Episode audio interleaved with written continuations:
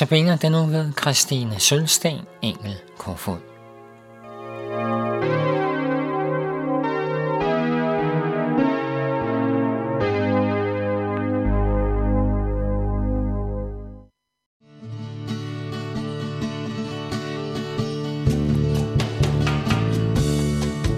Fortæl det gamle budskab, det bedste som jeg vil om Jesu magt og nåde, om Jesu kærlighed. Fortæl det ganske simpelt, som til et lille barn. Til jeg er træt og såret, omspændt af syndens garn. Fortæl det ganske simpelt, som til et lille barn. Til jeg er træt og såret, omspændt af syndens garn. Fortæl mig det kun langsomt, så det kan trænge i. Det budskab om forløsning, dybt ind i sjæl og sind.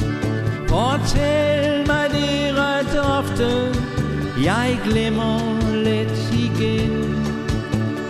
morgendukkens friskhed ved middagstids til.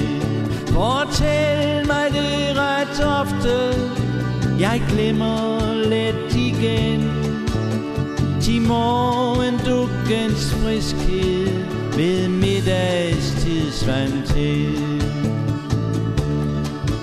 Fortæl det jævnt og stille, men læg dog Husk på, jeg er den synder, som Jesus frelse vil. Fortæl mig det kun altid, hvis virkelig din røst i hver en nød og trængsel skal tale mig til trøst. Fortæl mig det kun altid, hvis virkelig din røst i hver i nød og trængsel skal tale mig til trøst.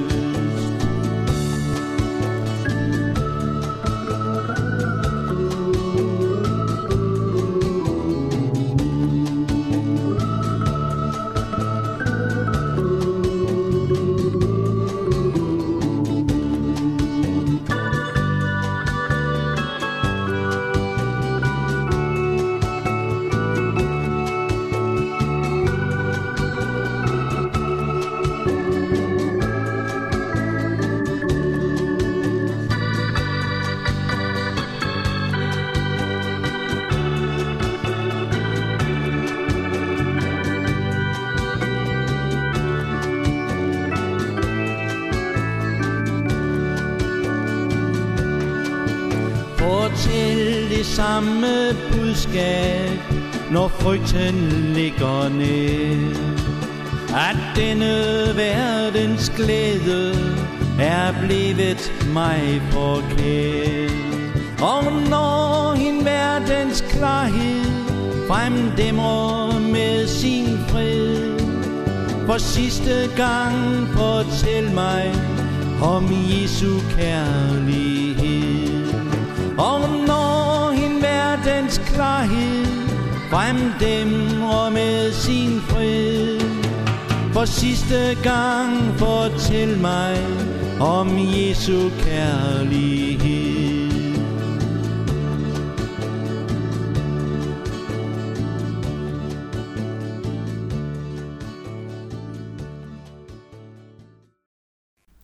Mit navn er Christine Sølsten Engel Kofod. Vi har netop lyttet til sangen Fortæl det gamle budskab ved Benny Kusk. Denne uges emne er overgangen fra livet til døden og fra døden til evigt liv. I dag vil vi høre om adskillelsen mellem Gud og mennesker og ofringerne. Vi har set, at der er to udveje efter døden. Den ene vej er evigt liv sammen med Gud. Den anden vej er evigt liv uden Gud, hvor der skal være evig gråd og uophørlig pine. Ulydigheden mod Guds ord i Edens have, hvor Adam og Eva spiste af frugten af kundskabens træ, er skældsættende. De havde fået forbud mod at spise af den frugt, men de lod sig friste af slangen og spiste. Og siden da har hele menneskeslægten levet med konsekvensen af denne ulydighed. Synden kom ind i verden, og ved synden kom døden til alle mennesker, står der i Romerne 5. Selvom Adam og Eva havde syndet ved deres ulydighed, elskede Herren dem stadig. Herren hader synden, men han elsker synderen. Han elsker mennesket, som han har skabt i sit billede. Adam og Eva var ikke robotter, der var kodet ind til at følge Herrens anvisninger. Adam og Eva blev begge skabt med en personlighed og med friheden til at vælge, om de ville følge Herrens bud. De valgte at lytte til slangen, til Satan og følge hans oprør mod Gud. Satan ville have magten over dem. Satan ville være deres leder. Han ville være deres Gud. Satan ville have magten over dem og derved være deres leder. Og derved ville han også få dem under sit herredømme. I 1. Mosebog 3.14 står der, Gud Herren sagde da til slangen, fordi du har gjort dette, skal du være forbandet blandt alt kvæg og blandt alle vilde dyr. På din bu skal du krybe, og støv skal du æde alle dine dage. Jeg sætter fjendskab mellem dig og kvinden, mellem dit afkom og hendes. Hendes afkom skal knuse dit hoved, og du skal bide hendes afkom i hælen. Herren gav derefter både kvinden og manden besked om, hvilke konsekvenser deres ulydighed ville få for deres liv uden for paradiset. De måtte ud af paradiset for ikke at have adgang til livets træ. Deres ulydighed, deres synd, ville vare evigt, hvis de spiste af livets træ. Derfor måtte de forvises.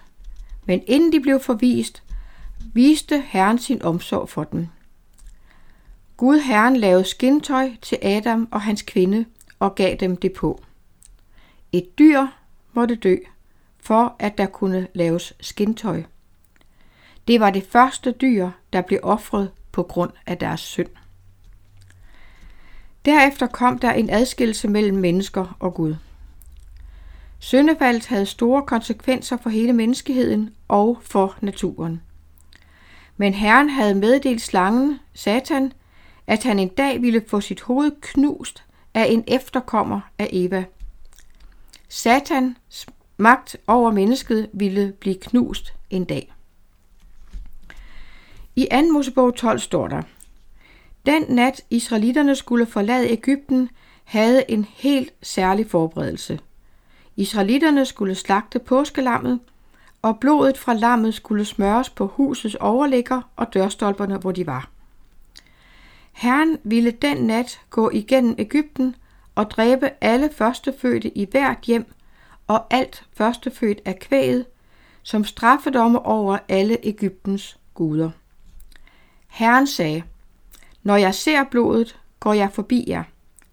Ingen ødelæggende plage skal ramme jer, når jeg slår Ægypterne.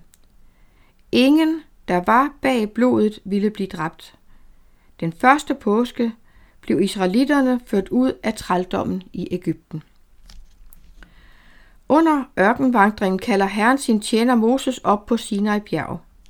I 2. Mosebog 25.8 siger Herren til Moses, Israelitterne skal lave mig en helligdom, så vil jeg tage bolig hos dem. I skal lave den nøjagtigt efter det forbillede af boligen og dens udstyr, jeg viser dig. I 2. Mosebog 26, 30 står der, så skal du rejse boligen, sådan som du fik det at se på bjerget. I 2. Mosebog kapitlerne 25-31 giver Herren instrukser om, hvordan helligdommen skal bygges og indrettes. Det skal være en kopi af helligdommen i himlene. Det sande åbenbaringstilt. Det, som Herren selv og ikke noget menneske har rejst, som der står i Hebræerne 8.1. Åbenbaringsteltet har to rum, nemlig det hellige og det allerhelligste, og desuden en foregår. De to rum er adskilt af et forhæng, der er meget smukt. Det er lavet af purpurrødt og karminrødt stof og tvundet fint linned med kunstfærdigt indvævede keruber. I det allerhelligste rum står pagtens ark, og den er dækket af zonedækket. Det er lavet af ren guld, er to en halv alen langt og halvanden alen bredt, samme mål som arken. Og for hver ende er der en kerub. I pagtens ark ligger tavlerne med de ti bud, Arons stav og en guldkrukke med manna. I 2. Mosebog 25:22 siger Herren til Moses, Der vil jeg åbenbare mig for dig, og fra zonedækket mellem de to keruber, som er oven på vidnesbyrdets ark, vil jeg tale med dig om alt, hvad jeg befaler dig om israelitterne. Moses havde der foretrædet for Herren. Der måtte han tale med Herren og få råd og vejledning.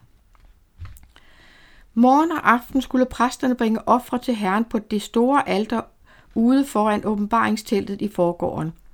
Og de måtte kun gå ind i det forreste rum, det hellige rum i teltet, og udrettede det arbejde, som var foreskrevet der. Der var flere forskellige ofre. Brandofferet, afgrødeofferet, syndofferet, skyldofferet, indsættelsesofferet og måltidsofferet. I det allerhelligste rum går kun ypperste præsten ind, og kun én gang om året, og ikke uden at tage blod med, som han frembærer for sine egne og folkets uvidenhedssynder. I det gamle testamente var vejen til det allerhelligste lukket. Der var et forhæng mellem de to rum i templet. I Hebræerbrevet kapitel 9, vers 8 står der, Vejen til det allerhelligste er endnu ikke åbnet, så længe det forreste rum består. Der frembæres gaver og ofre, som hvad samvittigheden angår, ikke kan føre den, som dyrker Gud til målet. De er, ligesom mad og drikke og forskellige renselser, kun jordiske forskrifter, gyldige ind til tiden for den rigtige ordning. Alle disse gaver og ofre var kun jordiske forskrifter, gyldige ind til tiden for den rigtige ordning. Hvornår var tiden for den rigtige ordning? I Galaterbrevet kapitel 4, vers 4 står der, Men da tidens fylde kom, sendte Gud sin søn, født af en kvinde, født under loven, for at vi skulle få barnekår. Beskeden til slangen i 1. Mosebog 3.15 var, Jeg sætter fjendskab mellem dig og kvinden, mellem dit afkom og hendes. Hendes afkom skal knuse dit hoved, og du skal bide hendes afkom i hælen. Hendes afkom skal knuse slangens hoved. Jesus var ham, der skulle knuse slangens hoved. Den påske, da Jesus var offerlammet, blev hele menneskeheden ført ud af syndens trældom. Jesus opfyldte alle lovens krav for os, da han levede et fuldkomt liv. Med sit blod løskøbte han os fra konsekvenserne af, at vi ikke kan overholde Guds lov. Det skal vi høre mere om i morgen. Og vi vil nu lytte til sangen Jeg har en ven, så tro som vild. Og det er ved M-sangerne og musikerne fra Bornholm.